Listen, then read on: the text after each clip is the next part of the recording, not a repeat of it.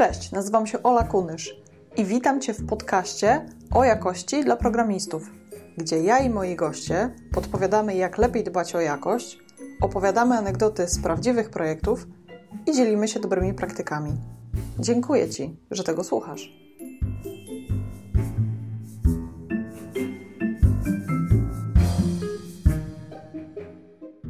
Zapraszam Cię do przesłuchania rozmowy z Pawłem Zwierzchowskim z Fabryki Testów.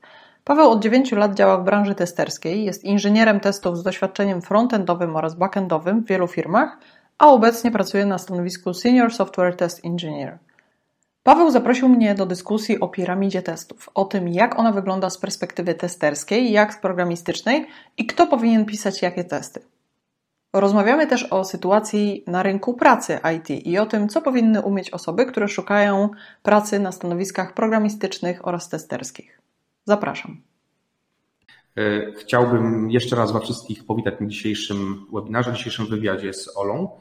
No i chciałbym Wam przedstawić Olę, która jest dzisiaj z nami, która zaszczyciła nas dzisiaj swoją osobą. No i, i co? Parę słów o Oli. Ola jako promotorka testów jakości, która pomaga pisać coraz wyższej jakości w ogóle i wyższego poziomu tak naprawdę e, testy.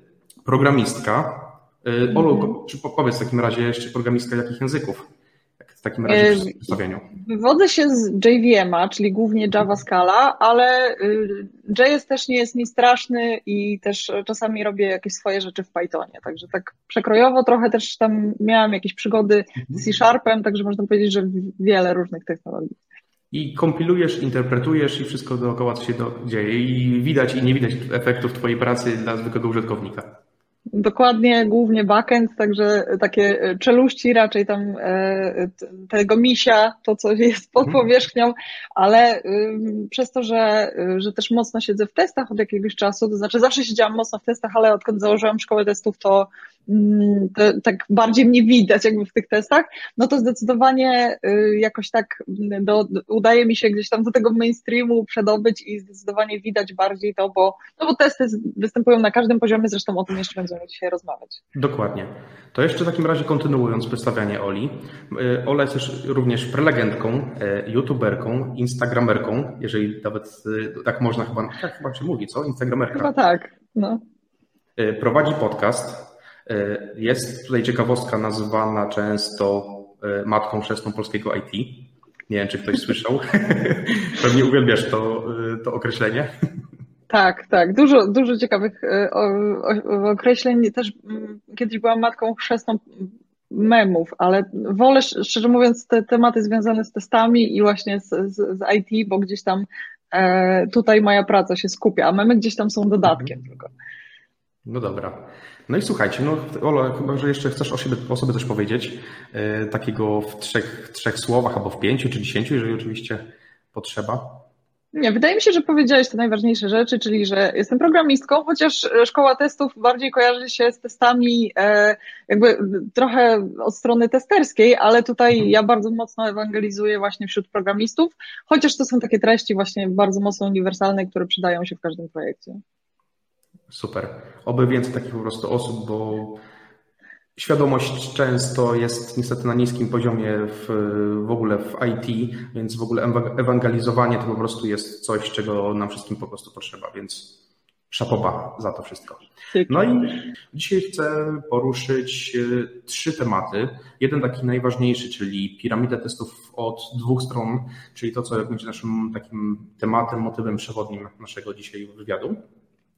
E, dalej, jeżeli wystarczy nam czasu, e, posłuchamy, jak e, Ola ocenia sytuację na obecnym rynku IT. Myślę, że to będzie kilka ciekawych spostrzeżeń. To już widzę Ola tutaj mały uśmiech, więc coś może się tam zadziać. No i na koniec jeszcze, tak jak mówimy, nam starczy czasu, porozmawiamy o tym, jakie mamy w Oli doświadczeniu, jakie Ola w swoim doświadczeniu widzi różnice między pracą w granicach naszego kraju i poza granicami naszego kraju, bo jak wiemy i wy już pewnie też będziecie za chwilę wiedzieli, e, Ola pracowała w wielu, wielu projektach, również tych międzynarodowych i tam chyba nawet coś ze Szwedami e, powinno się pojawić w tej, w tej tak, rozmowie. Tak. I ze no Szwedami, no z Amerykanami, tak. To przejdziemy do tego później. Dobra. No to słuchajcie, w takim razie byśmy może zaczęli od tej głównej, od tego głównego tematu, jako że jest najbardziej obszerny i też pewnie dlatego też tutaj się dzisiaj pojawiliście, żeby trochę o tym posłuchać. I o piramidzie dostępu od dwóch stron. Y, jak wygląda piramida? Myślę, że wiecie albo zaraz się dowiecie.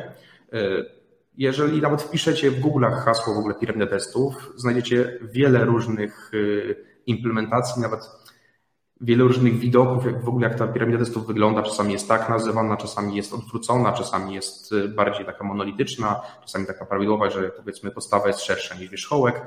I tam też różne nazwy powiedzmy tej piramidy, piramidy się znajdują, ale ogólnie dzisiaj o tej właśnie porozmawiam takiej standardowej, nazwijmy to takiej najbardziej, najczęściej jako prawidłowa przedstawiana piramidzie testów czyli taka, gdzie na dole mamy unit testy, czyli testy jednostkowe, potem trochę wyżej mamy testy integracyjne, no i potem na górze mamy na samej wierzchołku ogólnie testy end-to-end. Oczywiście, jak mówiłem, no to możemy to bardziej albo mniej rozbijać, ale jakby na takiej się skupimy. No dobra, w takim razie y, w ogóle Olu, powiedz mi, co w ogóle myślisz o takiej piramidzie testów w ogóle jako takim stworzeniu, jako jak piramidę testów powiedzmy. E, no i powiedz mi, czy to jest takie bardziej dla Ciebie zło konieczne, którym wszyscy po prostu muszą źle podążyć, czy jest to jednak dla Ciebie taki bardziej drogowskaz ku temu, żeby bardziej rozumieć projekt i rozumieć, jak w ogóle te testy powinno się planować, układać i y, czy to jest właśnie tylko bardziej w teorii się sprawdza, czy w praktyce. Dużo pytań, ale myślę, że rozmowę pociągniemy jakby ogólnie na, na tych pytaniach, więc y, no dobra, co w ogóle myślisz o rozmowie, o, o, rozmowie, o piramidzie testów w takim razie? E, ja myślę, że piramida testów to w ogóle nie jest coś takiego, do czego my dążymy, tylko coś takiego, co gdzieś tam naturalnie się rodzi w większości projektów. I dlatego ktoś o tym powiedział, tam pierwszy raz chyba w ogóle użyto tego gdzieś w 2004, więc bardzo dawno temu. Martin Fowler zdaje się, że gdzieś 10 lat później to opisał pierwszy raz u siebie na blogu. No i tam on powiedział o tym, że y, najwięcej właśnie mamy tych testów jednostkowych, potem trochę mniej integracyjnych i najmniej tych end-to-end systemowych, dlatego że one są najdroższe i będą tam tylko te główne scenariusze. No i ogólnie większość projektów, przez które ja przechodziłam, to właśnie miało taką strukturę tych testów. Czasami było tak, że pewnych testów w ogóle nie było.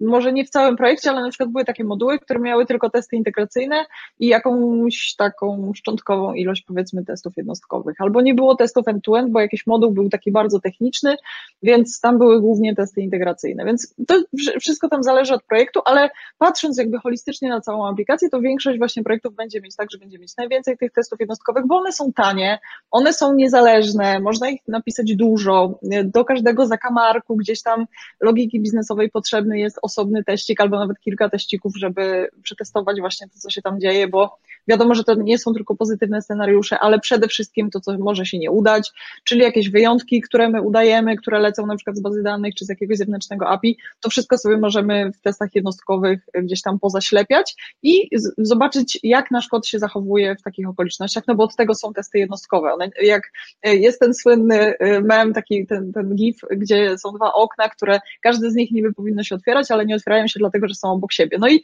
właśnie e, to jest doskonały przykład, bo to jakby to był argument przeciwko, te, przeciwko testom jednostkowym. Natomiast ja uważam, że tam wszystko jest ok, tylko po prostu testy jednostkowe nie są od tego, żeby testować aplikacje od początku do końca, więc dlatego mamy tę piramidę, że mamy najwięcej właśnie tych testów jednostkowych, które testują na, na bardzo niskim poziomie. Potem mamy sporo relacji, więc tam testujemy tymi testami integracyjnymi i potem najmniej tych testów e, systemowych. Teraz aplikacje się trochę zmieniają. Mamy mikroserwisy, mamy trochę więcej tego gadania między różnymi komponentami i wiadomo, że tych testów integracyjnych będzie więcej. To nie będzie, może to nie będzie piramida, tylko będzie już taki taki, nie wiem, taki walec z wisienką gdzieś tam tych testów end-to-end, że, że, że ten kształt gdzieś tam będzie migrował, ale na pewno nie jest to tak, że to jest coś, do czego powinniśmy dążyć, tak jak na przykład, nie wiem, pokrycie kodu testami, że tam jest jakiś X i, i ten X jest wyznaczony w, w danym projekcie, że powinniśmy mieć taki procent takich testów, taki procent takich testów, bo, bo wtedy faktycznie będzie tak, jak mówisz, że to będzie takie zło konieczne, przepraszam, i że y, będziemy dążyć do tego, żeby napisać jakiekolwiek testy, a nie dobre testy, które tak naprawdę będą nam w czymkolwiek pomagać, jakoś nam, nas bronić y, przed regresją na przykład. No, tak, do, dokładnie. A powiedz mi, y, czy pracowałaś, na, na pewno pracowałaś bardziej w metodykach takich kaskadowych i zwinnych, a powiesz mi, nawet w sumie nam, jaka jest w ogóle różnica, jak, z jakimi w ogóle piramidami tam się spotykałaś, bo z tego co ja wiem, to troszeczkę różni się taka piramida w takim podejściu jakby projektowym, zwinnym od takiego właśnie kaskadowego. Znaczy, wydaje mi się, że w zwinnym e, te testy też są zwinne. To znaczy, że tych testów one powstają na zupełnie innym poziomie, to znaczy na zupełnie innym etapie powstają wytwarzania oprogramowania, bo one powstają cały czas i dopisujemy takie testy, jakie są nam potrzebne. I wydaje mi się, że tam też będzie ta piramida, tylko że ona będzie trochę bardziej taka dopasowana, to będzie taki garnitur trochę uszyty na miarę bardziej. A w momencie, jak mamy kaskadowość, ja jako programistka to nie wiem, czy pracowałam może w jednym takim projekcie, gdzie faktycznie było tak kaskadowo, że szliśmy takim prawdziwym waterfallem, no to tamte testy powstają na samym końcu tak naprawdę. Bez względu na to, czy to jest koniec pisania oprogramowania, czy już po opisaniu oprogramowania jakby zespół testerski przejmuje tutaj e, wodzę i, i pisze e, automaty, to jakby to jest trochę dalej od tego, co chcemy zrobić, czyli trochę dalej od wymagań biznesowych i to jest takie dopisywanie, może właśnie tutaj będą takie bardziej sztywne te normy, może ta piramida będzie taka trochę bardziej naciągana i wydaje mi się, że w takich e, kaskadowych projektach te testy będą trochę mniej elastyczne, w takim sensie, że trochę mniej właśnie dopasowane do, do oprogramowania. I ja mam takie doświadczenia. A jakie ty masz ze, ze swoich projektów? E, tak patrząc ogólnie z mojego doświadczenia, to często tam, gdzie jakby było takie podejście kaskadowe, tak jakby bardziej waterfallowe jakby do, do samego projektu, często było tak, że programiści, deweloperzy pisali bardzo, ale to bardzo mało testów e, jednostkowych, ze względu na to, że tak naprawdę kod, który był, ta aplikacja, która powstawała, potem była sprzedawana do klienta. Więc mhm. Y, jakby nie skupiali się zupełnie jakby na, na podejściu, że trzeba otestować jednak na, na, niskim poziomie, gdzie jest tanio, szybko. Oczywiście może jest tanio i szybko, ale jeżeli to sprzedajemy dalej klientowi, a, a też tak często było, no to jakby to bardziej skupiali się, znaczy firma skupiała się na tym i w ogóle podejście do całego y, wytwarzania programowania, że takie testy tak naprawdę, y, które były tworzone, to były te właśnie jakby wyższego poziomu, czyli end-to-end, a nawet często w ogóle testy były wykonywane ręcznie, manualnie przez klienta, po prostu jako testy akceptacyjne, więc mhm. tą całą odpowiedzialność za budowanie testów, testowanie aplikacji przerzucało się na klienta często, y, no i to, to z doświadczenia wiem, że to był duży bardzo problem, ponieważ jakakolwiek potem zmiana w systemie powodowała tak dużą po prostu regresję, ponieważ nie było to wszystko otestowane, że kolejny, powiedzmy, e, nie wiem, kolejny release e, potrafił 2-3 tygodnie się opóźnić ze względu na błędy, które po prostu wystąpiły, które oczywiście mogły być wcześniej otestowane, ale nikt na to mhm. zupełnie jakby nie patrzył, a klient sprawdzi i to wiesz, tam jakby wszyscy mieli to głęboko w nosie po prostu. Mhm. Czyli po, po co testować, skoro ma szansę zadziałać i po prostu to podejście takie jolo. Tak. No to stąd się chyba wzięło w ogóle to podejście shift left, że jest przesunięcie tego, tego wszystkiego y, wstecz jakby w, w czasie, y, no a w lewo jakby w, w, te, w, te, w tej kaskadowości jakby do mhm. poprzednich etapów jakby wytwarzania oprogramowania, bo y, ja też jak uczę pisania testów jednostkowych, to taki jeden z, z błędów, które się pojawiają, to to, że bardzo często deweloperzy opierają testy o kod, a mhm. one powinny być opierane zawsze o wymagania, nawet jeśli one są bardzo blisko kodu, nawet jeśli one są bardzo nisko, niskopoziomowe, tak jak testy jednostkowe, to zawsze powinniśmy wracać do wymagań biznesowych, dlatego że inaczej nasze testy będą po prostu betonować nam kod i one nie będą nam tak naprawdę wiele sprawdzać, tylko będą sprawdzać, że y, ta interpretacja, czyli to, co jest w naszym kodzie, jest zabetonowane i to będzie tak naprawdę jedyne, y, jedyne sprawdzenie a no, jednak powinniśmy pisać testy po to, żeby one nas przed czymkolwiek chroniły, a nie tylko po to, że mamy KPI w projekcie i ktoś tego od nas wymaga, prawda? Tak, że testy przyszły, wszystko jest zielono, ładnie, można wdrażać, a tak naprawdę jak się wdroży i ktokolwiek zacznie tylko używać, to się i tak wszystko wysypie. Ale przecież przyszło na zielono, KPI były pięknie wszystko wypełnione. Tak, to prawda. Mm. Słuchaj, jeszcze ostatnio gdzieś w e, takim podejściu, trochę, e, może nie podejściu, o takim trofeum coś czytałem, słyszałem w ogóle znany jeszcze ten temat? A może jego byśmy poruszyli? Tak. To jest, ostatnio gdzieś tam wypłynęło nawet w kilku miejscach, tak równocześnie. To jest coś takiego, że jak się zaczynamy interesować jakimś tematem, to gdzieś tam nasz mózg wychwytuje, e, że to się pojawia w bardzo wielu miejscach i mhm. faktycznie e, to chyba Kenzie Dodds e, napisał kiedyś, to nie wiem, 2018, 2019, także to taka, no dość świeże jakby porównując do piramidy, ale jednak to jakiś czas temu było, ale że, że proszę? Ale przed pandemią jeszcze. Tak, przed pandemią, że y, piramida już jest no more i że mhm. teraz mamy właśnie trofeum i to wynika z tego, że y, Kenzie Dots działa w takim środowisku nie tyle frontendowym, co JS-owym i tam y, bardzo dużo testów jednostkowych jest zamienianych przez statyczną analizę kodu i wydaje mi się, że to jest trochę tak jakby to samo, tylko ubrane w trochę inne, e, w trochę inne barwy, bo tam jest podobny czubek, to znaczy, że na górze są testy end potem są testy e, integracyjne, których w trofeum jest akurat najwięcej, potem jest znowu w dół, to znaczy, że jest, e, że jest mniej tych testów jednostkowych niż integracyjnych, a potem jest statyczna analiza kodu, no i powstaje nam właśnie takie trofeum, no ale tak naprawdę to, co dzieje się w statycznej analizie kodu, no to wydaje mi się, że to daje nam e, podobne korzyści, co testy jednostkowe, dlatego że to na takim bardzo niskim poziomie zapewnia nas, że kodzik, który napisaliśmy, działa poprawnie. Więc jakby jest sporo tych takich wspólnych punktów. E, natomiast tutaj w podejściu Kenzie Dotsa i w ogóle tam e, całego tego ruchu, który promuje e, właśnie trofeum testów zamiast piramidy mhm. testów, powinniśmy się skupiać na testach integracyjnych. I wydaje mi się, że to jest właśnie pokłosie tego, że, że mamy jednak bardzo dużo takich projektów, które mają mikroserwisy, czy serwisy w ogóle, tam tej mhm. komunikacji jest bardzo dużo i tej logiki biznesowej jest jakby proporcjonalnie mniej do tego, co się dzieje właśnie między różnymi modułami, różnymi komponentami i, i serwisami. I że stąd wynika jakby ta różnica.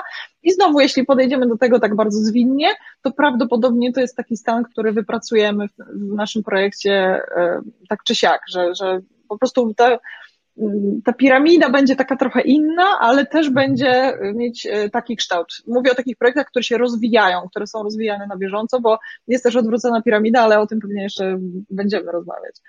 Myślę, że myślę, że tak. To w takim razie jeszcze powiedz mi, bo tam e, podczas tego, co mówiłeś, było sobie E, przy takim kaskadowym podejściu, że tam deweloperzy tworzą oprogramowanie, w pewnym momencie testerzy przejmują e, pałeczkę i zaczynają tworzyć testy, jakby też testować manualnie i też tworzyć testy po swojemu. E, tak z swojego doświadczenia, w ogóle gdzie testerzy, a gdzie deweloperzy tak naprawdę powinni jakby maczać swoje palce w tych poziomach piramidy bardziej? To jest takie dość kontrowersyjne pytanie, bo ja się spotykam Najlepsze. z bardzo różnymi opiniami na ten temat. E, wydaje mi się, że, bo zawsze jak ktoś pyta mnie, kto powinien pisać testy w projekcie, to ja zawsze mówię, kto chce. I tak, tak też uważam, że jeśli ktoś czuje potrzebę tego, żeby napisać testy, to nie ma znaczenia, jaką ma rolę. Jeśli umie to zrobić, umie to zrobić dobrze, to niech to robi i chwała mu za to.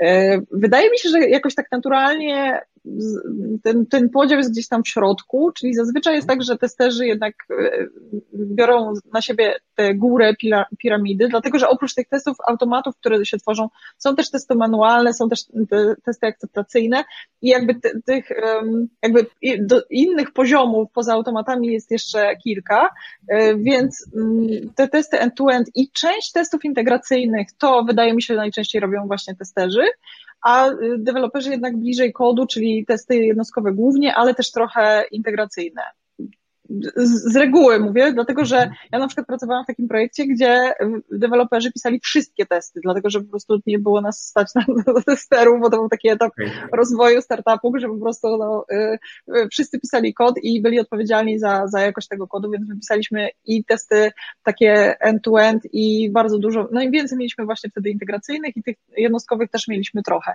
Więc y, to moim zdaniem rola tutaj nie ma większego znaczenia, bardziej chodzi o to, jak wygląda właśnie struktura zespołu, bo jeśli jeśli, jeśli mamy dużą organizację i tam jest zespół testerski, zespół deweloperski, no to pewnie ta granica będzie gdzieś tam biegła właśnie po środku, bo widzę, też patrzę, co się dzieje na rynku i widzę, że e, jakby oprócz e, takich programów, jak wy na przykład macie, że, że jest Selenium i Python, no to są też programy, które na przykład uczą pisania testów właśnie integracyjnych, czy z Postmanem, mhm. czy, czy z wykorzystaniem jakichś tam innych e, narzędzi, więc mm, jak patrzę właśnie do kogo one są kierowane, no to najczęściej są kierowane jednak do testerów, chociaż ja znam wielu deweloperów, którzy też robią takie kursy na przykład.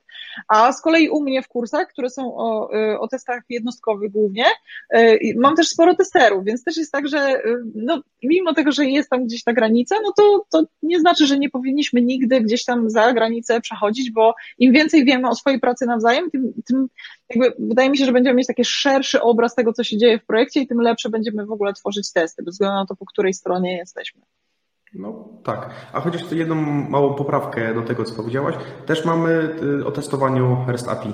Mamy moduł w, w, głównym tak, kursie. I to może to u Was widziałam właśnie. No. Tak, tak, tak, też jest y, i no, tak masz rację, w sumie tak naprawdę tester powinien oczywiście jak najwcześniej zaczynać, jakby jak najniżej tej, y, swoje ręce wyciągać jakby po testy w tej piramidzie testów, no ale wiadomo, że też zależy od tego, czy tak jak mówisz, ma chęć, ma oczywiście umiejętności i, i w projekcie jest y, wola ku temu, żeby mm. jakby tester też w, te, w drugą stronę oczywiście, tak jak deweloper, tak jak mówiłaś, w jedną stronę, że pisze aż nawet testy end-to-end i powiedzmy frontend to testowuje, tak, tak samo tester, jeżeli ma umiejętności, chęć, wolę, to i tak jak y, też padło, y, jest też wola w zespole.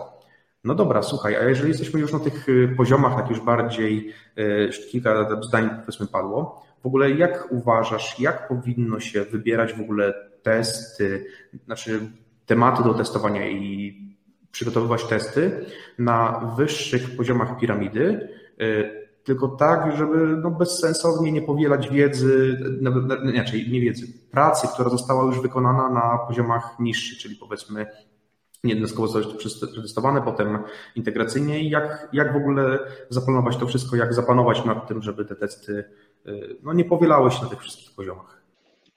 Właśnie nie wiem, czy, y, czy ja bym unikała bardzo tego, żeby, żeby one się mm, powielały. Już mówię Ci dlaczego, bo y, wydaje mi się, że testy end-to-end są tworzone z reguły w miejscach ważnych, takich kluczowych dla działania naszej aplikacji. Nie testujemy wszystkiego, tylko testujemy te najważniejsze ścieżki, które są no, kluczowe z punktu widzenia użytkownika naszej aplikacji, czyli te, które w których mieszka to, po co istnieje nasza aplikacja, pomijając całą techniczną infrastrukturę i tak dalej. I e, w momencie, kiedy mamy taką kluczową ścieżkę, no to jak mamy test end-to-end, no to on nam przetestuje tak naprawdę no, od końca do końca, ale tak pobieżnie bardzo. To znaczy jakiś taki, nie wiem, czy happy path, czy może nawet jeśli to nie jest happy path, no to to będzie jakaś tam ograniczona funkcjonalność. Więc na niższych poziomach spokojnie możemy sobie tam potestować te zakamarki, z tym, że no to już nie będą takie główne ścieżki, tak jak w tym teście end-to-end, tylko raczej będziemy się skupiać na tym, co może się tam nie udać, co może pójść nie tak, jak obsługujemy błędy, może udać jakiś błąd w teście jednostkowym, a może nawet uda się coś takiego zrobić w teście integracyjnym, żeby, nie wiem, ustawić chociażby stan bazy danych, czy stan jakiegoś innego serwisu, żeby zobaczyć, jak nasz kod zareaguje na to, jeśli coś się nie powiedzie. E, więc tutaj, żeby uniknąć jakby takiej redundancji, że testujemy najważniejsze scenariusze w, dokładnie w ten sam sposób na wszystkich poziomach, no to faktycznie może to być za dużo e, tej pracy. Natomiast jeśli coś jest naprawdę ważne, to obtestowałabym to po prostu jakby właśnie piramidą, czyli że e, jeśli, no nie wiem, ja pracowałam w e-commerce, więc bardzo łatwo jest mi mówić takimi przykładami właśnie zakupowymi. Czyli jeśli mamy Happy Path w teście end-to-end, który jest do tego, żeby dodać produkt do koszyka i go kupić, albo jeszcze na przykład dodać kod e, zniżkowy po drodze i go kupić, e, to wtedy w testach integracyjnych możemy sprawdzić, co się dzieje, jeśli dodaję kod, który jest poprawny, co się dzieje, jeśli dodaję kod, który jest niepoprawny, jeśli jest przedatowany, to jak zareaguje moje API, i, i wszystkie takie różne inne kombinacje. No a w teście jednostkowym na przykład same ceny, czyli na przykład co się dzieje z ceną w momencie, kiedy ja aplikuję e, kod zniżkowy, jeśli dostaję taką zwrotkę na przykład z bazy danych, albo e, w jaki sposób są zaokrąglane moje ceny, czy one są zaokrąglane w dobry sposób, czy nie. Czy dodawanie do koszyka zmienia jakby cenę koszyka. To też jest jakiś taki scenariusz, który jest jakimś tam wycinkiem tego, tego głównego flow, ale jednak na trochę innych takich, na, na innym poziomie szczegółowości. Więc ja bym tak do tego podeszła, że idziemy od góry i te, te, ten test end-to-end jest taki najbardziej powierzchowny, tak bym to powiedziała, że on jest ważny dlatego, że sprawdza, czy, jak aplikacja wstaje, czy, czy tam wszystko działa i czy naprawdę da się użyć tego, bo, bo to, że testy jednostkowe przechodzą, to nie znaczy, że aplikacja wstaje, więc te testy end-to-end służą do tego, żebyśmy sprawdzili cały flow, a później uszczelniamy, czyli jakby wkładamy takie mniejsze kamyczki, żeby tam uszczelnić, czy, czy wszystko jest ok, no nie? Czyli te testy mhm. end-to-end jest takim wielkim kamieniem, potem wkładamy te mniejsze kamienie, czyli testy integracyjne, no a potem uszczelniamy tym piaseczkiem, czyli, e, czyli testami e, e, jednostkowymi, które gdzieś tam sprawdzają takie no już szczególiki tej implementacji. Okej, okay, a potem zalewamy wodą, czyli oddajemy do klienta. Dokładnie. Wszystko. na produkcję i sprawdzę, albo nie, jeszcze mogą być testy performance'owe i wtedy po prostu wysyłamy ileś tam tysięcy requestów na sekundę i sprawdzamy, czy, czy to wszystko nam nie siądzie. Także tak, o, zalewamy tak. to. Dokładnie, dokładnie. A w ogóle często jest tak, że testy w ogóle e, performance'u są zupełnie pomijane tak naprawdę do samego końca, bo w ogóle nie są robione i tak naprawdę takim testem performance'owym jest e, uruchomienie na produkcji, tworzenie posta na Facebooku, już działamy tak naprawdę. Albo tak, tak, tak, tak, tak, Więc to jest, to jest często niestety no. największy problem. No i jeszcze powiedz mi w takim razie jeszcze do tej piramidy, tej takiej odwróconej, co rozmawialiśmy. Mhm. Ogólnie odwrócona piramida to jest tak, że mamy jak, bardzo dużo jakby na, nazwijmy to naszym wierzchołku, który jakby zostaje ona odwrócona, czyli mamy bardzo dużo, dużo testów end-to-end, -end, średnią ilość integracyjnych i bardzo niewielką ilość y, testów jednostkowych. No i teraz tak, y, pytanie, czy to jest naprawdę takie bardzo złe, ze względu na to, że wyobraźmy sobie sytuację, przychodzę do firmy jako pierwszy tester, no i chcę, żeby jakby jakość była coraz wyższa, więc mówimy, dobra, sprawdzimy ile jest w ogóle jednostkowych. Okazuje się, że no, jednostkowych do tej pory nie było robionych, jest bardzo skomplikowana architektura. No i no dobra, no to w takim razie integracyjne. No integracyjne jakieś tam są, ale teraz, żeby to integracyjnie przetestować, to jest bardzo dużo, bardzo dużo takiej pracy i bardzo dużo sprawdzania w ogóle tej, trochę naprawy architektury od, od, od, od tej strony. No i teraz y, właśnie, jak z tym podejściem, czy na przykład y, w tym momencie skupić się na tym właśnie, żeby bardzo dużo testów y, end-to-end jednak powstało, a dopiero potem zacząć naprawiać architekturę? Co o tym sądzisz? Zdecydowanie. Jeśli wchodzisz do projektu, w którym nie ma w ogóle testów i chcesz napisać testy, chociażby po to, żeby zrozumieć, jak to działa, bo testy też mogą nam po prostu być takim papierkiem lakmusowym. Wydaje mi się, że to działa tak, bach, czerwony test, nie, mhm. jednak nie, więc piszę inaczej. E, czasami nie ma ludzi, którzy tworzyli ten kod już w projekcie, albo klient, który sobie tego życzył, na przykład zmienił się po, po stronie klienta, zmieniła się osoba decyzyjna i ta osoba nie wie, e, o co chodziło e, przy projektowaniu i ty chcesz po prostu zrobić taki trochę reverse engineering i sprawdzić, jak ten kod działa, więc wtedy piszesz te testy właśnie end-to-end i może trochę testów integracyjnych, ale jeśli planujesz planujesz na przykład e, refaktoryzację, planujesz to, że tam się będzie dużo zmieniać ta struktura, inaczej podzielisz serwisy, no to testy integracyjne też trochę e, są za blisko kodu, dlatego że będą bardzo kruche, bo jak ty będziesz zmieniać architekturę, no to one się posypią tak samo, więc no te testy end-to-end tak naprawdę będą najbardziej, tak, e, zmieni się API, więc testy end-to-end będą najbardziej odporne na zmiany w tym momencie, i jeśli, e, jeśli nie zaczniesz od nich, to będzie ci później bardzo trudno, bo za każdym razem, kiedy będziesz zmieniać e, oprogramowanie, to będziesz też zmieniać testy. E, no i no to pytanie, czy to są dobre testy. Czy w tej sytuacji, moim zdaniem, właśnie ta odwrócona piramida się dużo lepiej sprawdza, dlatego że wykorzystujemy te testy właśnie głównie do tego, żeby mm, obronić się przed regresją w trakcie właśnie zmian, w trakcie refaktoryzacji, ale też pomóc sobie zrozumieć, jak ta aplikacja tak naprawdę działa. No tak, i trochę jednak daje nam to większą taką pewność przy jakimkolwiek wdrożeniu nawet kolejnej wersji, po prostu nawet na środowiska jakieś sandboxowe czy coś tego typu, gdzie te testowe byłyby uruchamiane, że jednak mhm. coś działa, a nie po prostu posypało się wszystko i nie mamy na tej kontroli, na tym kontroli, jeżeli po prostu manualnie nie było to przetestowane. Mhm. No, no tak, w sumie, w sumie od tej strony to tak i wbrew pozorom testy end-to-end -end w tym momencie jednak będą tymi najtańszymi testami. Tak, w sumie. Tak tak. Najbardziej takimi odpornymi na zmiany, prawda?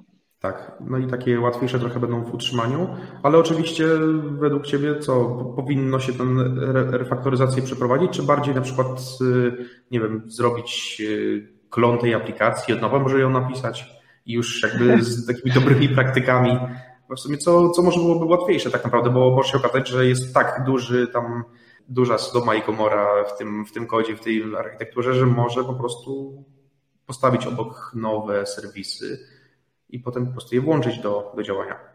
Mm, czy przepisywanie aplikacji to jest zawsze bardzo ryzykowna sprawa? Mhm. E, I zazwyczaj jest tak, że na początku zbiera się jakaś grupa tygrysów, czyli tych takich mhm. najlepszych ludzi w projekcie, którzy chcą przepisywać, oni zaczynają przepisywać, e, trakcie zaczyna im się kończyć bateryjka, bo mamy taki stan, że mamy dwa serwisy równocześnie, znaczy dwa, dwie aplikacje równocześnie do utrzymania.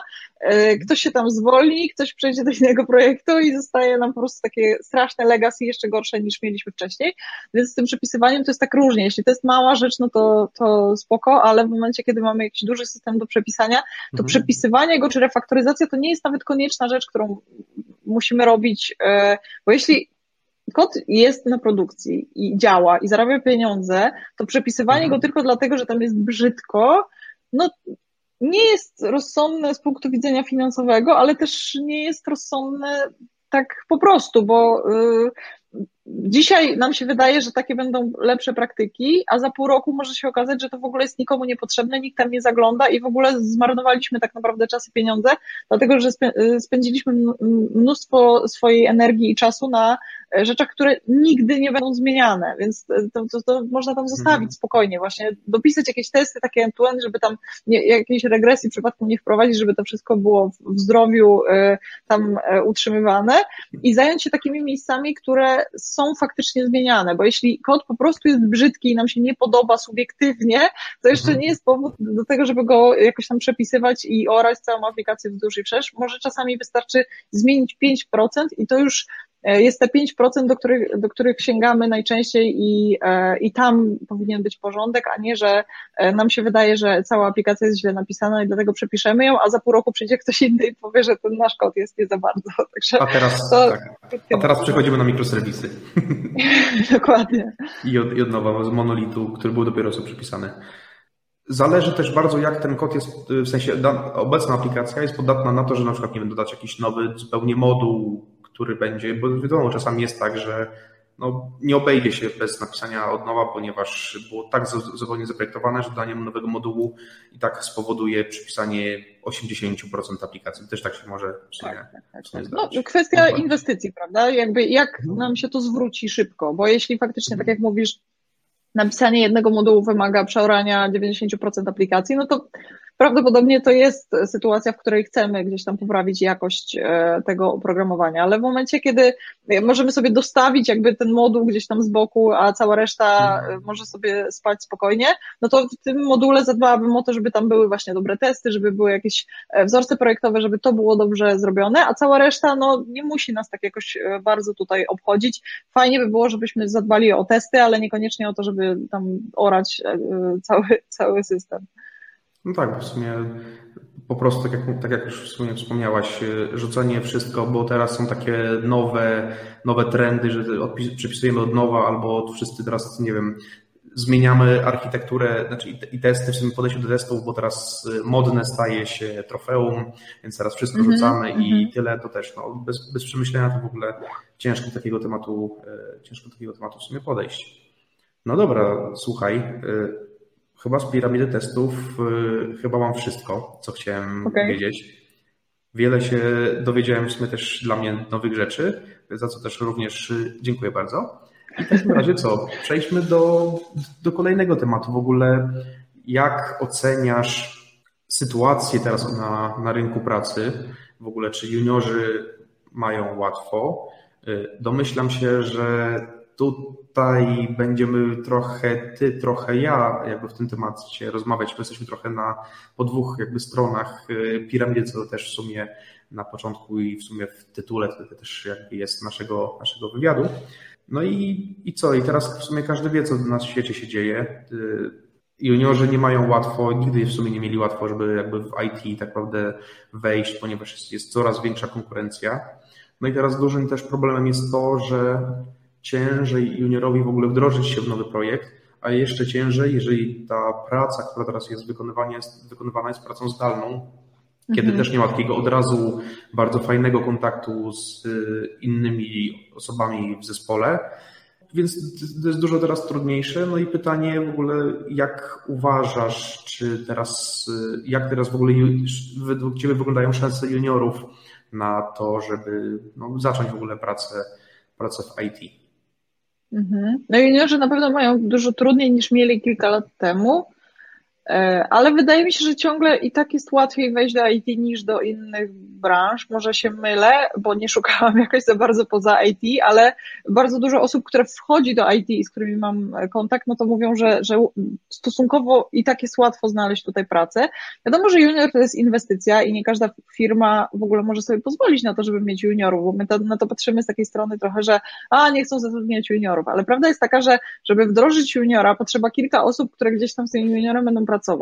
E, to jest niewiadoma, bo często ludzie, jak się tylko czegokolwiek nauczą, to chcą iść gdzieś indziej i to jest tak naprawdę no, bardzo szybko taka inwestycja jest e, no, tracona e, tak naprawdę, bo, bo wdrożymy taką osobę i, i ona gdzieś tam się zawija, więc trudno się dziwić, że jest mm, niełatwo znaleźć pierwszą zwłaszcza pracę, bo potem już jakoś, jakoś idzie, ale wydaje mi się, że jest tak, że jak ktoś jest uparty i pracowity, to, to zawsze sobie poradzi i zawsze gdzieś tam znajdzie e, tą swoją szansę. I pamiętam, że kiedyś e, zgłosiła się do mnie taka znajoma znajomych i właśnie pokazała mi swojego GitHuba. I ja byłam w szoku, bo ona przez ostatni rok miała w ogóle szmaragdowego GitHuba i tam pracowała nad swoimi różnymi projektami i e, chodziła czy tam na jakieś szkolenia, a później rozwijała te projekty na, na własną rękę i mimo tego, że to była osoba spoza IT, która po prostu chciała się przebranżowić, to ja byłam pod ogromnym wrażeniem i czasami, e, bo zaglądam czasami na GitHuba, bo wiele osób się zgłasza do mnie z taką prośbą, żeby tam albo im zweryfikować projekty, albo im zrobić code review, albo właśnie zobaczyć e, CV i przy okazji jeszcze e, zobaczyć kodzik. No i, i, i takie, tacy ludzie, którzy są zazwyczaj po studiach, którzy gdzieś tam czują, że mają pewniejszy start właśnie w branży, oni rzadko mają takiego szmaragdowego GitHuba, raczej tam jest tu troszkę, tam troszkę pracy, a, a właśnie te osoby, które przychodzą najczęściej czy po bootcampach, czy właśnie przebranżawiają się gdzieś tam mają doświadczenia gdzieś tam z innych branż i, i wtedy wchodzą do IT. Ja mówię o, o programistach, bo taka jest e, jakby mhm. głównie moja perspektywa. To, to najczęściej wkładają dużo więcej pracy i wydaje mi się, że e, gdybym miała zatrudniać kogoś do, do swojej firmy, gdybym, gdybym budowała na przykład startup, mm, to pewnie składałby się w większości z e, seniorów, ale gdybym zatrudniała juniora, to właśnie zatrudniałabym kogoś takiego, kto się przebranżawia z totalnie innej branży, gdzie na przykład bardzo mocna jest komunikacja, i e, ktoś, kto widzę, że regularnie pracuje na przykład od roku na, na, nad swoimi gdzieś tam projektami na GitHubie i uczy się tak bardzo intensywnie. I wydaje mi się, że to jest taka, taka e, dobra droga, żeby po prostu udowodnić, że ja mam zacięcie, że to nie jest tylko tak, że ja przechodzę, ja się chcę czegoś nauczyć, ja też coś wnoszę, prawda? I czy to jest jakieś takie innowacyjne? No, mnie na przykład uczono zawsze tego, bo ja chodziłam na, na różne takie mm, szkolenia, gdzieś tam na studiach jeszcze jak, e, jak miałam zamiar szukać pracy, taki mm, już po wyjściu, bo ja pracowałam na, na uczelni, ale wiadomo, że taki rynek pracy to jest zupełnie coś innego. No i właśnie tam zawsze mówiono mi o tym, że to ja powinnam udowodnić, jaką ja mam wartość dla firmy. Więc jeśli ja przychodzę i pokazuję, że przez ostatni rok, czy nawet dwa lata tutaj cisnę swoje projekty i mam tyle i tyle pracy i ja umiem takie i takie rzeczy, no to, to ja już tutaj udowadniam, że nie jestem taką inwestycją, jak osoba, która przychodzi i mówi, no nie wiem, ale się nauczę, nie? że, że Jak jakby mam dokładnie, że, że jakby dużo więcej wnoszę tutaj, dużo więcej mam na stole, jakby mówiąc takim karcianym powiedzmy językiem, że, że, że na, na tej mojej ręce coś tam jest, no nie? a nie, że tylko liczę na to, że ktoś mi coś da. Nie wiem, jak to wygląda z perspektywy testerskiej. E, powiem Ci, że bardzo podobnie. W sumie jak e, przez długi czas zatrudniałem w ogóle osoby na stanowiska między innymi juniorskie, to na przykład dla mnie, właśnie tak jak powiedziałaś w sumie, dużym plusem było to, że na GitHubie e, właśnie jak mówisz, było blisko tego szmaragdowego, jakiś, nie wiem, projekt testów automatycznych w takim języku czy w takim i też nawet nie patrzyłem na to, czy, nie wiem, że szukamy w tym momencie bardziej do Java czy coś tego typu, jakby w tę stronę powiedzmy idąc, JVM'a, e, ale jeżeli ktoś miał w Pythonie na przykład napisane testy, ale te testy były i rozbudowane i z dobrymi praktykami, to też w sumie nie stoi e, na przeszkodzie temu, żeby, nie wiem, nauczył się kolejnego języka, jeżeli oczywiście już ten pierwszy język e, zna na takim poziomie, że już może powiedzmy samodzielnie pisać i nie tylko używać bibliotek. Tak, to jest na pewno pierwszy temat. Drugi y, też fajnie w ogóle, jak osoby, z którymi rozmawiałem, mają taką bardzo nawet przekrojową, znaczy przekrojową wiedzę, ale nawet taki naprawdę podstawy z każdego tematu jakby y, testowania w tym akurat przypadku, ze względu na to, że teraz praca testera to nie jest tak, że przychodzi, dostaje scenariusz, no i musi te od punkciki po prostu sprawdza się jeden po drugim, bo od tego są tak naprawdę automaty, które sprawdzą, mhm. odhaczą ten punkcik, rzeczywiście to jest działające. Tak więc i sprawdzenie tak naprawdę, znaczy i posiadanie takiej wiedzy nawet z podstaw y, REST API, w ogóle HTTP, jakie są, czy w ogóle co to jest ten protokół, do czego w ogóle to nam się przydaje, w ogóle do, do czego to służy tak naprawdę, jakie mamy tam metody w HTTP, jakieś tam te grupy statusów odpowiedzi tak naprawdę, y, bo mimo tego, że to jest tam troszeczkę tak teoretycznie zarezerwowane do tego y, poziomu testów bardziej integracyjnych, no to kto powiedział, że ta wiedza nie przyda się na testach tylko i wyłącznie end-to-end albo w ogóle frontendu, nawet do manualnego klikania, bo co, mhm. otwierasz przeglądarkę, odpalasz DevToolsy, no i tam w tej, w tej w tym networku wszystko jest tak naprawdę napisane i fajnie, wiesz, takie, tego typu rzeczy też w sumie rozumieć, więc y, dla mnie to jest tak jak w sumie już padło na początku pierwszą taką fajną sztuczką właśnie, że jednak tego GitHuba fajnie zapełniać, a drugie właśnie, żeby tak zdobyć wiedzę z każdego tematu, nawet po trochu,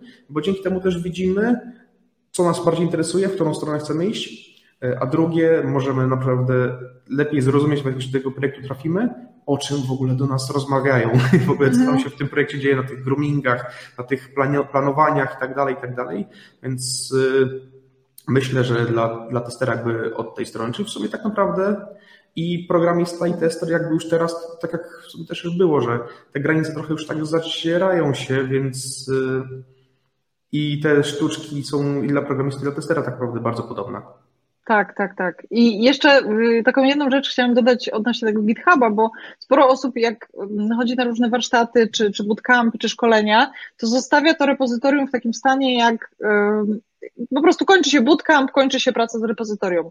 I mhm. to, co na mnie na przykład robi największe wrażenie, to jak ktoś wraca do tego repozytorium i eksperymentuje z nim samodzielnie. To znaczy, że to nie jest tak, że ja kończę bootcamp i po tym bootcampie już nie, nie dotykam tego, co się tam działo, tylko mówię, a co się stanie, jak ja zepsuję to, a co się stanie, jak pozmieniam tamto. I tak y, jakby taka samodzielność w pracy z tym e, jest też taka bardzo przydatna później, bo tak jak mówisz, ja przychodzę do projektu i ja mniej więcej czaję. Wiadomo, że jak jestem juniorem i nie mam za sobą komercyjnego doświadczenia, to nie będę wiedzieć wszystkiego, ale nikt tego ode mnie nie wymaga. Ale fajnie jest, jeżeli ja potrafię się komunikować już takimi e, zwrotami, e, trochę tym żargonem, że jak ludzie w projekcie zaczynają gadać między sobą, to ja nie mam takiego, boże, co za kosmici, tylko że już trochę rozumiem właśnie to, co, o, o czym gadają, a tego się nie da nauczyć w takiej realizowanie po prostu tutoriali, że ja idę od początku do końca, tam się wszystko udaje, tam zawsze wszystko działa i, mhm. e, i kończę i tyle. I nigdy do tego nie wracam. Tylko właśnie zepsucie tego, zobaczenie, co się stanie, jak wyglądają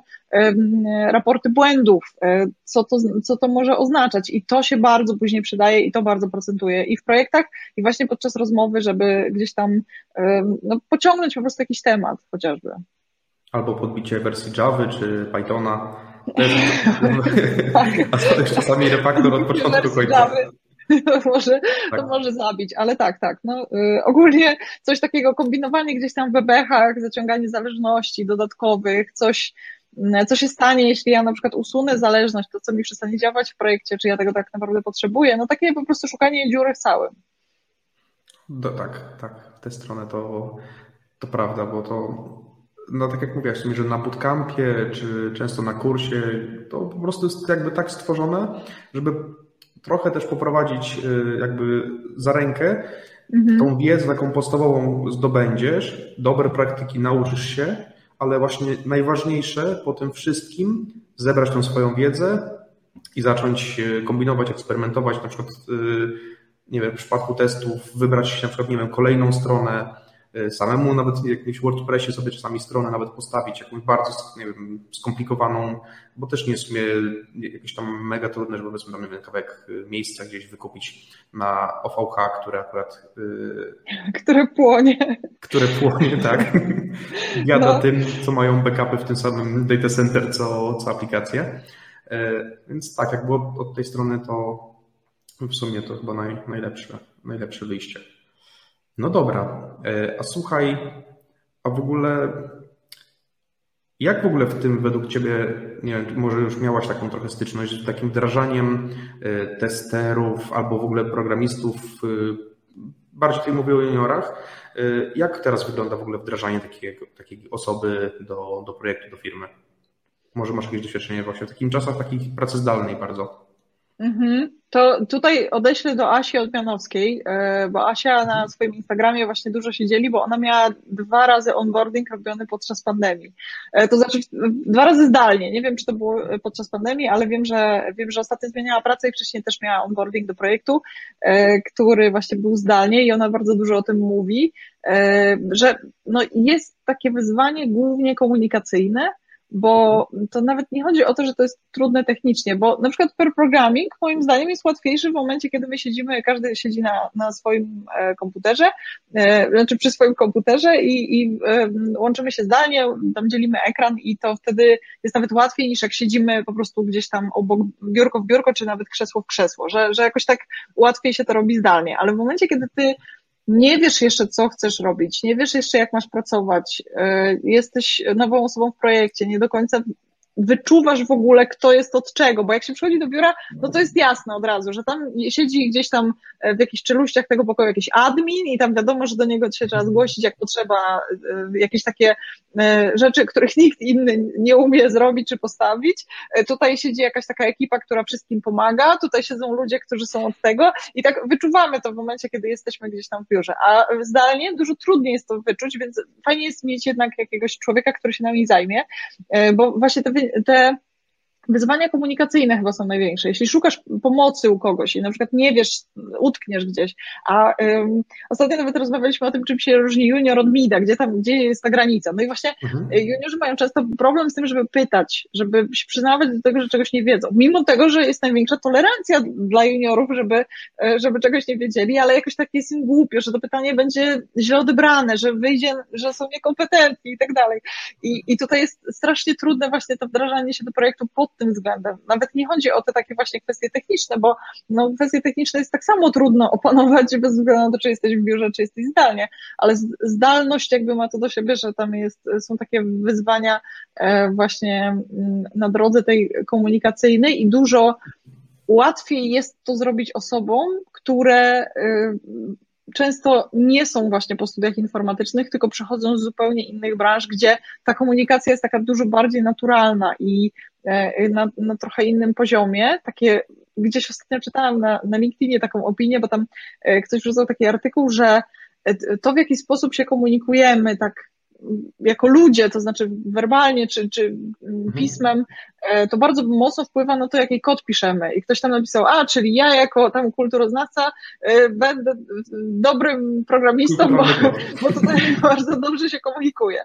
I e, coś faktycznie w tym jest, że, że, że ta komunikacja się mm, jakby przekłada na to, jak wytwarzamy oprogramowanie, więc tym osobom, które przychodzą z, z innej branży, paradoksalnie może być łatwiej się wdrożyć, to znaczy przejść przez ten onboarding, ale no wydaje mi się, że dla wszystkich to jest jednak bardzo mocno utrudnione i to widać te wpadki wszystkie, które miały miejsce w 2020, gdzie większość tak naprawdę jest przez to, że ktoś tam się z kimś nie dogadał, dlatego właśnie, że jesteśmy zdalnie i że pewne rzeczy, które właśnie się wyczuwało będąc w biurze, no nie są już takie oczywiste w momencie, kiedy jesteśmy zdalnie. No tak, dokładnie. Chociaż powiem Ci, że ostatnimi czasy też zdarzyło mi się e, zmienić, e, zmienić pracę i powiem Ci, mimo doświadczenia no, sporego, które już mam ogólnie w, w IT i w testach, no to odnalezienie się w nowym projekcie z osobami, które są od ciebie kilkaset albo kilka tysięcy kilometrów, na początku mimo wszystko jest trudne, więc bardzo współczuję juniorom, ale jak, jakby to powiedzieć, no nie, pod, nie można się poddawać, bo jak teraz się ktoś podda, no to kto inny po prostu wykorzysta to i wskoczy na to miejsce i, mhm. i on wejdzie na, do, tego, do tego IT, do tych testów, y, a nie właśnie, a nie właśnie ta osoba, która powinna czasami być, bo ma lepsze, nie wiem, predyspozycje albo już jakieś tam powiedzmy doświadczenie, ale nie komercyjne. Mhm. No dobra, słuchaj, e, bo tutaj widzę już e, rozgadaliśmy się. Może byśmy w takim razie powoli e, dobijali do brzegu i dali czas teraz osobom na, nas oglądającym na zadawanie pytań, chociaż tu widzę parę pytań już jest. To jest część pierwsza. Część niedawno zaczęłam swoją przygodę z testami. Już nie pierwszy raz słyszę o piramidzie testów, ale tak naprawdę nadal nie wiem, w jaki sposób zastosować ją w moim testowaniu. Część druga. A może już ją stosuję? Tylko o tym nie wiem. Czy dla takich zielonych osób jak ja, które póki co testują właściwie tylko manualnie, a o testach automatycznych jeszcze nie wiedzą, jest jakiś how to start i how to do? Y, czy istnieje forma tej piramidy, która jest najbardziej przystępna, prostsza niż pozostałe? Mhm. To chyba część trzecia była ostatnią częścią. Dobra. Nie wiem, może zaczniesz, bo tutaj to jest twoja bajka, chociaż wydaje mi się, że testy manualne się y, nie łapią trochę na piramidę testów i dopiero jak się mhm. poznaje te testy automatyczne, to dopiero wtedy tak naprawdę wchodzisz w ten wierzchołek piramidy, ale może, może masz inne zdanie. Znaczy, w sumie mam bardzo podobne zdanie. Tak, tak naprawdę y, testy manualne mogą być i często widziałem na różnych piramidach są po prostu zawarte w tych testach end-to-end, -end, po prostu. Jako okay. jeszcze, tak, nawet albo czasami, albo część po prostu tego y, end-to-end, albo w ogóle jeszcze taki nadwierzchołek, taki malutki, jako testy, testy manualne.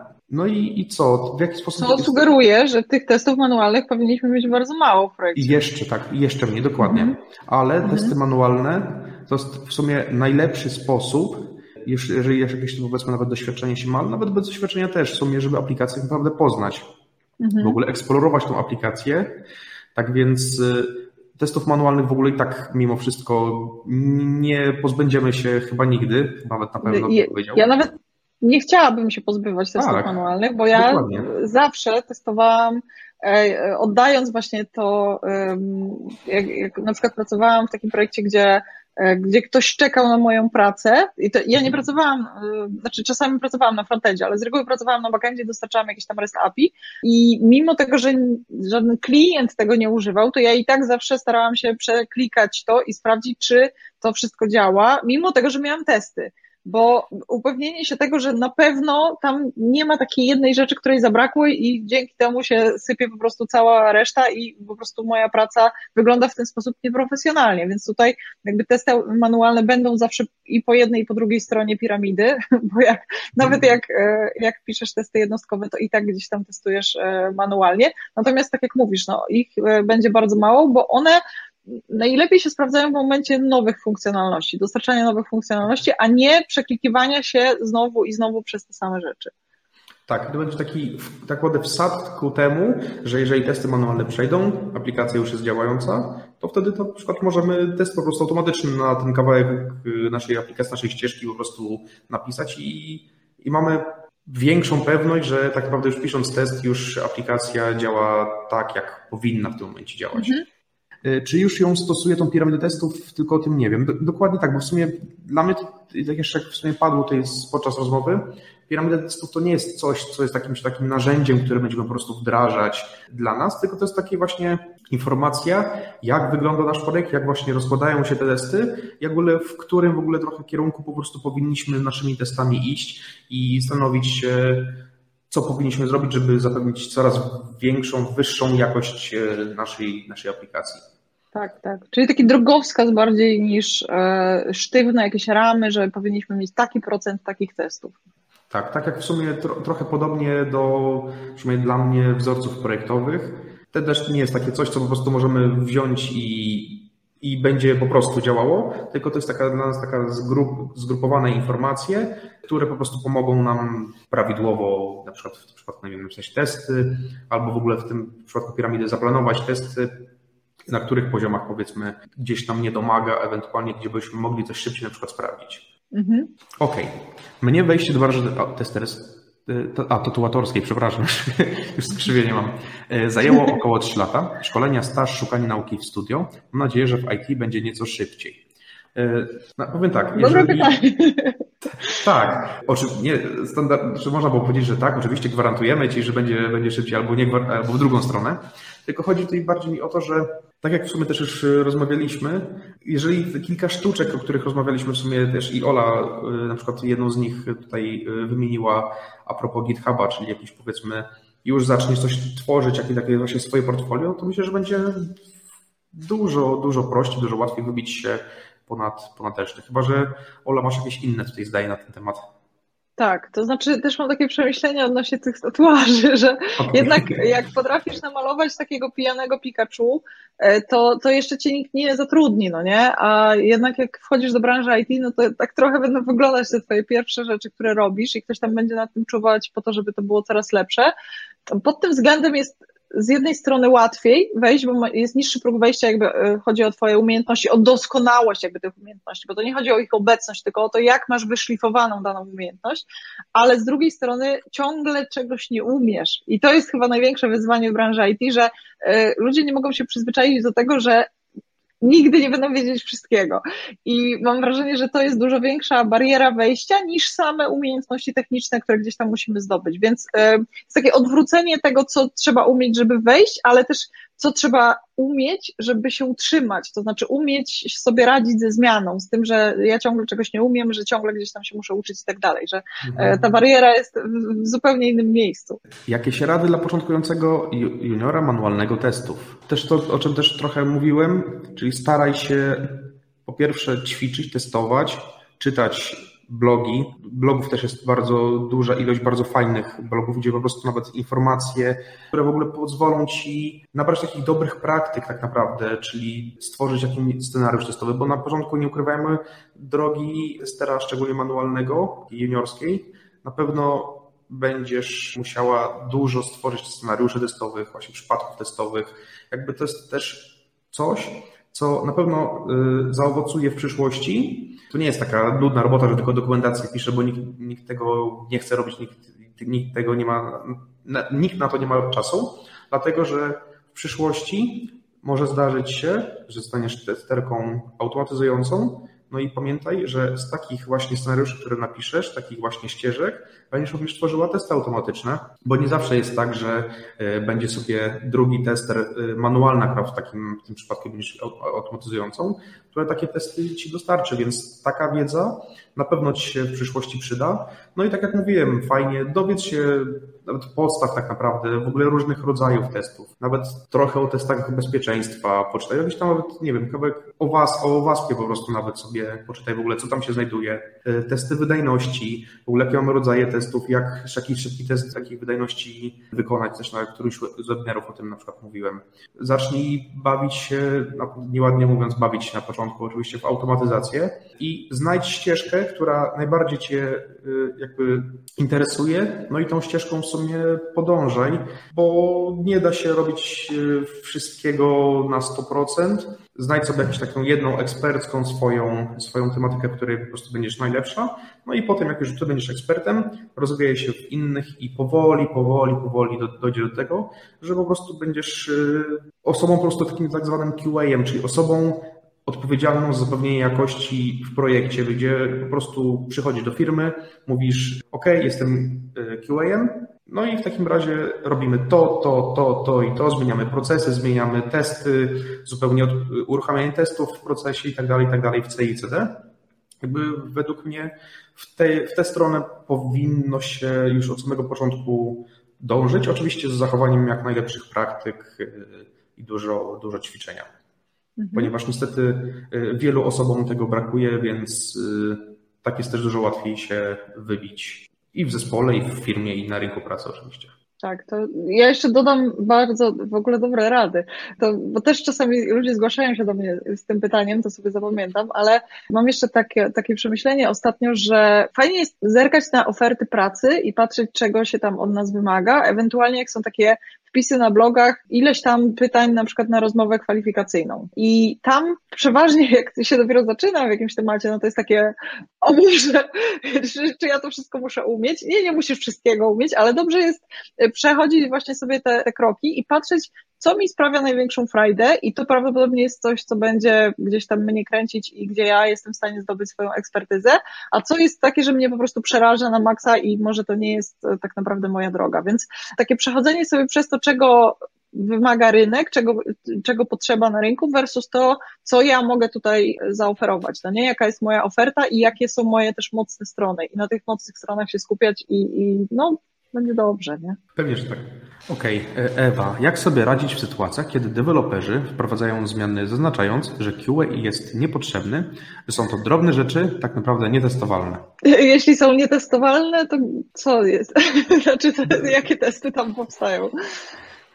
To znaczy, że są testy jednostkowe i integracyjne, rozumiem doskonale, czy w ogóle jest to nietestowalne. Ja się spotkałam z tym, że e, deweloperzy mówią, że testy e, automatyczne nie są potrzebne, czyli że na przykład nie ma sensu pisać testów jednostkowych, bo to jest tak mała rzecz, że albo że nie da się tego przetestować jednostkowo i najlepiej, żeby się tym zajęli testerzy. To w tę stronę się spotykam częściej z tym, ale tak, żeby, e, że, że nie jest potrzebna pomoc testera, to mam takie podejrzenie, że ci deweloperzy może boją się tego, że będzie jakaś zwrotka i że to zajmie za dużo czasu, a oni chcą pchnąć kolanem to na produkcję, tutaj wyszyłabym właśnie takiego podstępu.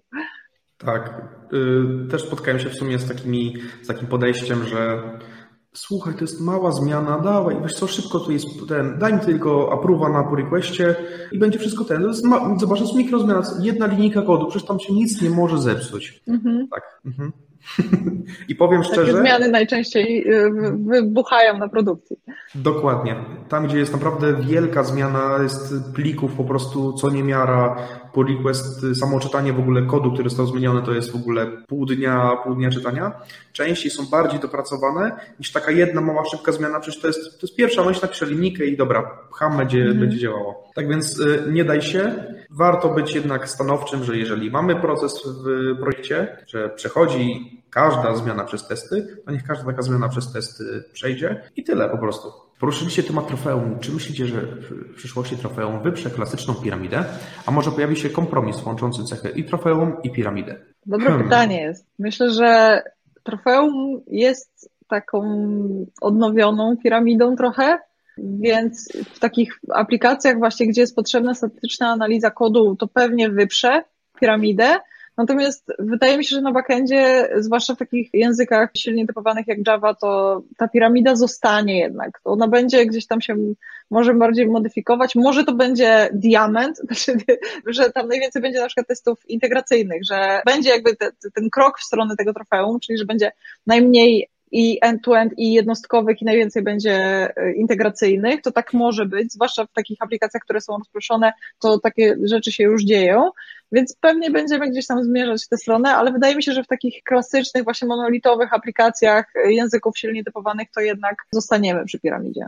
No też tak mi się wydaje, ze względu na to, że pewnie za parę lat powstanie kolejny kolejny jakiś nowy pomysł, gdzie znowu się wszystko odwróci do góry, no, do góry nogami i, i będziemy dążyli ku, ku nowemu po prostu, tak jak było z mikroserwisami parę lat temu. Tak. E, Ola, czy możesz więc powiedzieć o tej szkole testów? Dobrze, to szkoła testów powstała głównie dla programistów, no bo ja wyszłam po prostu z, z tą swoją wiedzą, którą miałam, ze swoim doświadczeniem i z, zaczęłam ewangelizować właśnie programistów w temacie e, pisania testów, więc ja w tej chwili no, prowadzę jakby na różnych kanałach e, ewangelizację właśnie w, w, temacie testów i kursy głównie z testów jednostkowych, chociaż to w tym roku się zmieni, ale właśnie można mnie znaleźć praktycznie na wszystkich socjalach, także jak wejdziecie na stronę Szkoła Testów Online, to tam w tej chwili trwa sprzedaż kursu, ale normalnie tam jest trochę więcej informacji o mnie, a można mnie też znaleźć na, na Facebooku, jest fanpage e, Szkoły Testów, na, nawet na LinkedInie jest, e, na Twitterze jestem jako Ola także tam głównie właśnie właśnie te rzeczy związane ze szkołą testów i z materiałami szkoły testów. No i na YouTubie, tak, bo tam jest chyba najwięcej tych materiałów. Drugie pytanie. Tak, i w sumie odpowiedziałeś na drugie pytanie, czyli Ola, można prosić o linki do Twojego bloga podcastu. Myśl, e, nie wiem, czy będziemy linki wklejać, ale myślę, że problemu nie będzie, chyba że Ola chcesz linkę wkleić od razu. E, mogę wkleić linka do mojego Social Huba, bo tam są linki o, jakby super. do wszystkich innych miejsc. Także wkleję zaraz na YouTube'a w komentarzu. Pięknie. Tak. Na ile testowania aplikacji webowych czy serwisów internetowych przydatna jest głębsza znajomość JS Reacta? To, to zależy do jakich testów, bo jeśli chcemy testować bliżej kodu, no to ta znajomość się przyda, dlatego że no, jakby każdy framework ma taki, takie swoje smaczki, swoje zakamarki i nie wszędzie pisze się testy w taki sam sposób. I jakby sama, samo pisanie testów w takim sensie, że jest jakaś składnia i są jakieś narzędzia, my używamy tych narzędzi w taki taki sposób, jest jakieś API, to jest bardzo podobne we wszystkich technologiach. I to, co się różni, to jest tak naprawdę ten ekosystem, w którym my jesteśmy. Ja na przykład byłam w szoku, jak e, wyszłam poza tą swoją bańkę taką backendową i okazało się, że w ogóle definicja testów integracyjnych, która na backendzie jest taka dość oczywista, że to jest wszystko, co wychodzi poza mój kod, tak? Czyli jakby jakieś połączenia z bazą danych, połączenia z zewnętrznymi serwisami, jakieś zewnętrzne API i tak dalej. Natomiast na frontendzie okazało się, że to są w ogóle wyjścia poza komponenty, czyli że coś może być na przykład w jednej klasie, ale będzie innym komponentem i to już jest nazywane testami integracyjnymi. Więc jakby taka znajomość ekosystemu, to bardziej pod tym względem traktowałabym właśnie do, do pisania dobrych testów, bo jakby do, do samego pisania testów to potrzebna jest znajomość tylko API danego frameworka, ale te takie zakamarki jakby każdej, specyfika każdej technologii i tego, do czego ona jest używana i to, jakie są najważniejsze jakby scenariusze, to, to tutaj bardziej się przyda. Natomiast jeśli piszemy testy end-to-end, no to wiadomo, że e, to nie ma takiego znaczenia, dlatego że my traktujemy bardziej tak holistycznie aplikację jako całość, a nie przyglądamy się gdzieś tam strukturze samego kodu. No i co, byśmy powoli kończyli. Zgadaliśmy. tak. Tak więc słuchajcie, bardzo Wam dziękuję i tutaj przede wszystkim dziękuję Oli za obecność, za podzielenie się swoimi doświadczeniami, za odpowiedzi na moje i Wasze pytania. Ja na przykład bawiłem się świetnie. Sam naprawdę bardzo wiele takiego, takiej wiedzy tego wyniosę, troszeczkę z innej perspektywy. Mimo tego, że długo już jakby w tym IT siedzę, to naprawdę poznanie innej perspektywy, gdzie tak normalnie z deweloperami nie rozmawiam o temacie piramidy testów, bo nie ma kiedy, są inne, inne tematy. Tak więc to dla mnie jest naprawdę super.